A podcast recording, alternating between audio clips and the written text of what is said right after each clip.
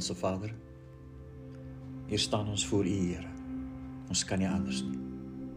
Stuur die lig en stuur die waarheid, Here. Help ons om te verstaan wat dit is om te lewe in 'n wêreld soos hierdie met U wie God en Heer is. Amen. Goeiedag Florian wil. Goeiedag almal. Ehm um, welkom. Ons het dus reeds begin soos jy agterkom is vandag 6 Augustus. Ons teksgedeelte is vanuit Romeine hoofstuk 10 vers 5 tot 15. So 'n opvolg van verlede week se boodskap wat Romeine 9 was. So. Bybel lees soos volg. Evangelie vir alle volke. Vers 5. Moses skryf immers van die geregtigheid wat op grond van die wet verkry word. Die mens wat hierdie dinge doen, sal hierdeur leef. Maar die regverdiging deur die geloof word so verwoord. Moenie in jou hart sê wie sal na die hemel opgaan met die bedoeling om Christus af te bring of wie sal na die onpeilbare diepte afdaal met die bedoeling om Christus uit die dood terug te bring nie. Nee, wat sê dit? Hier by jou is die woord in jou mond en in jou hart. Dit is die woord van geloof wat ons verkondig. Want as jy met jou mond bely dat Jesus die Here is en jy glo met jou hart dat God hom uit die dood opgewek het, sal jy verlos word. Want met die hart glo ons en ons word so regverdig verklaar. Met die mond bely ons en word so verlos. Die skrif sê tog: Elkeen wat in hom glo, sal nie beskaamd staan nie. Dit maak inderdaad geen verskil of jy 'n Jood of 'n Griek is nie.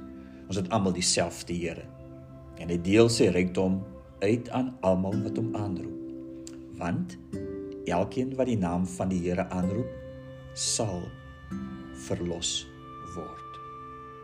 Hoe kan hulle hom dan aanroep as hulle nie tot geloof in hom gekom het nie? En hoe kan hulle in iemand glo van wie hulle nie gehoor het nie? En hoe kan hulle hoor sonder iemand wat dit verkondig? En hoe kan hulle dit verkondig as hulle nie gestuur word? Soos daar geskrywe staan. Hoe lieflik is die voetstappe van diegene wat die goeie boodskap verkondig. Dis ons teksgedeelte vanuit Romeine hoofstuk 10. Baie mooi gedeelte tog ook bietjie ingewikkeld met Paulus se vele aanhalings van hierdie Ou Testament.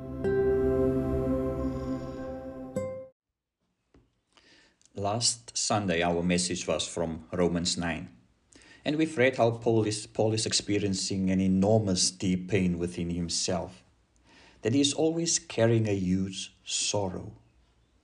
And the reason for this is his fellow Jews, the Israelites, who did not and still don't accept Jesus Christ as their Messiah, even though they had everything going for them.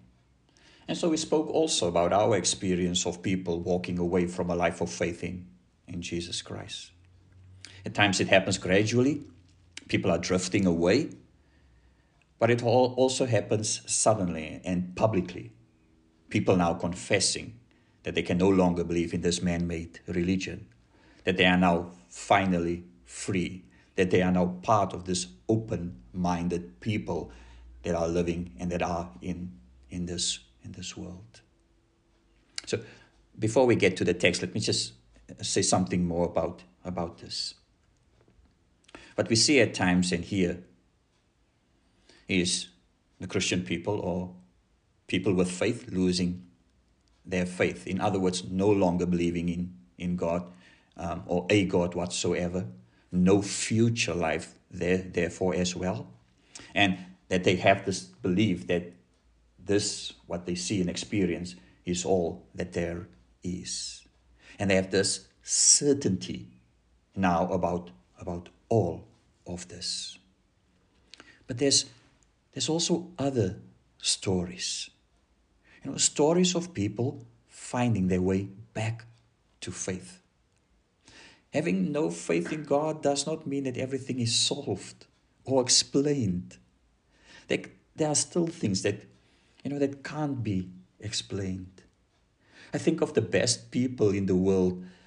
They are, and the people I, I follow and, and listen to, they are, they are believers. They, they believe in God.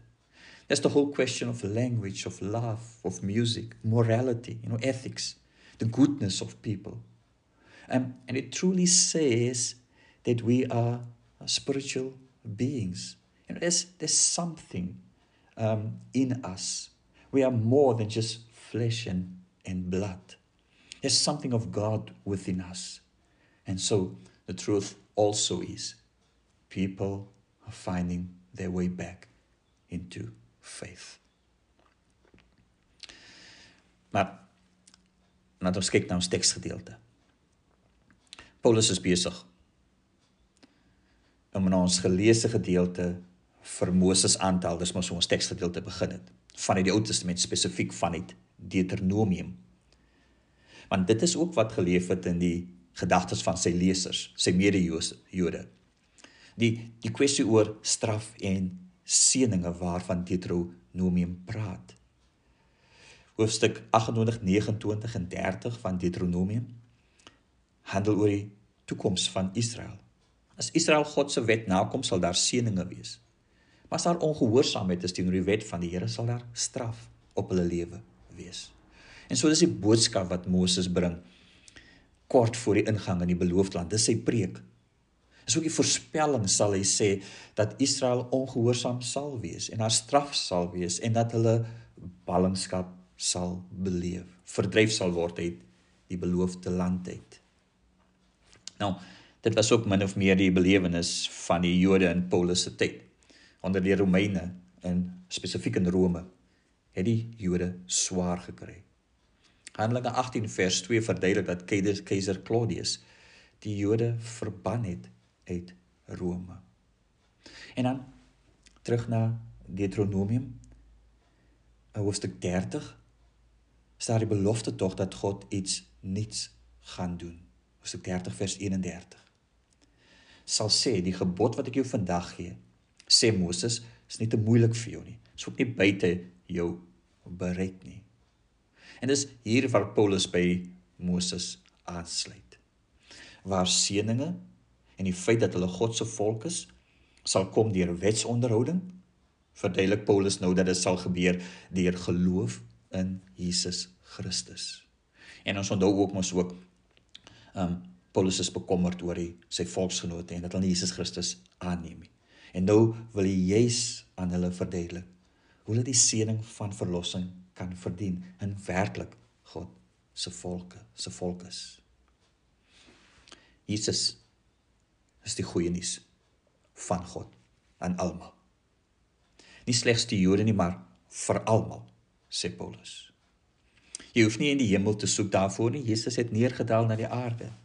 Jy hoef ook nie die onpeilbare diepte neer te daal nie, want Jesus het reeds uit die dood opgestaan. Die verlossing is naby jou. So naby soos jou tong in jou mond en jou hart in jou borskas. God is nader aan jou as wat jy ooit kan dink, skryf Paulus. En Paulus se vereiste vir die verlossing, hoe hoe kry ek dit? You know to qualify for this salvation, you first have to confess that Jesus is Lord. Do that with your lips and believe it in your heart. Nobody else is Lord. You know, not myself, not me, not my stuff, not other people. My only loyalty is and should be Jesus. And we should embrace this truth with everything in us. Make no mistake, it's not going to be easy. It's not at all easy to do. But it's not hard to understand how I can belong to God and be part of His people within this world. God is that close to us. Secondly, says Paul, confirm that God raised Jesus from the dead. It's nothing fancy here, actually.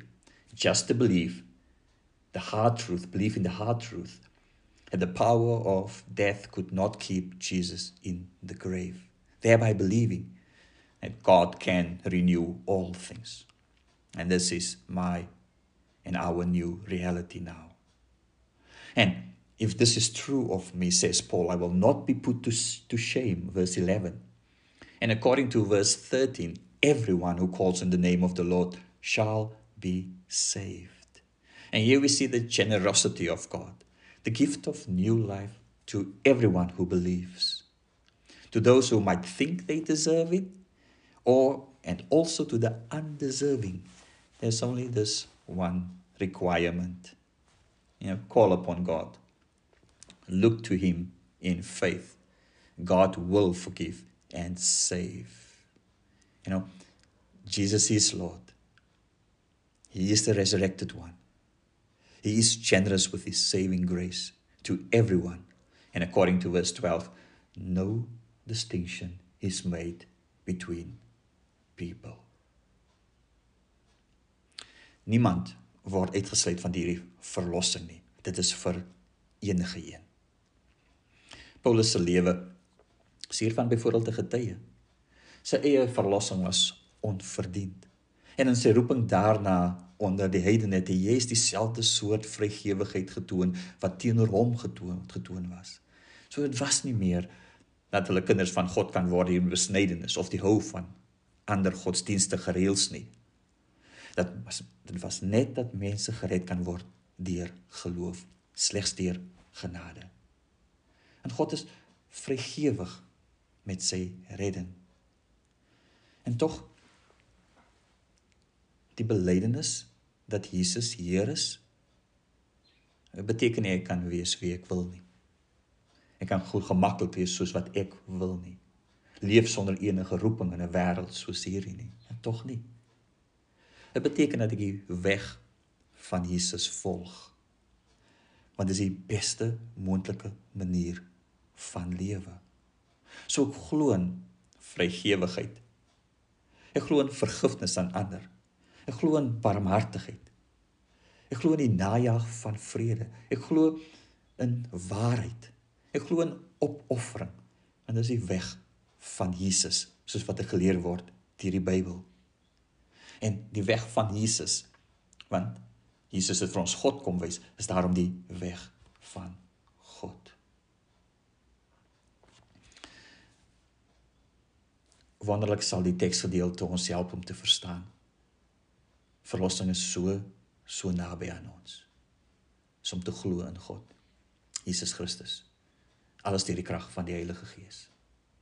So ek glo in God. Ek glo in God as skepper van hemel en aarde, want hy alles gemaak het. Ek glo in Jesus Christus wie my Heer is. En ek glo dat God alles nuut maak en sal maak deur sy Gees heen. Ek glo daaraan dat daar 'n God is. En ek glo daaraan as ek aan hierdie God volg, dan ek die beste moontlike manier van leef. Mag die Here ons help. Ons nooit ons geloof sal verloor nie. Nooit dit sal afstaan nie. Maar werklik ernstig daaroor sal dink.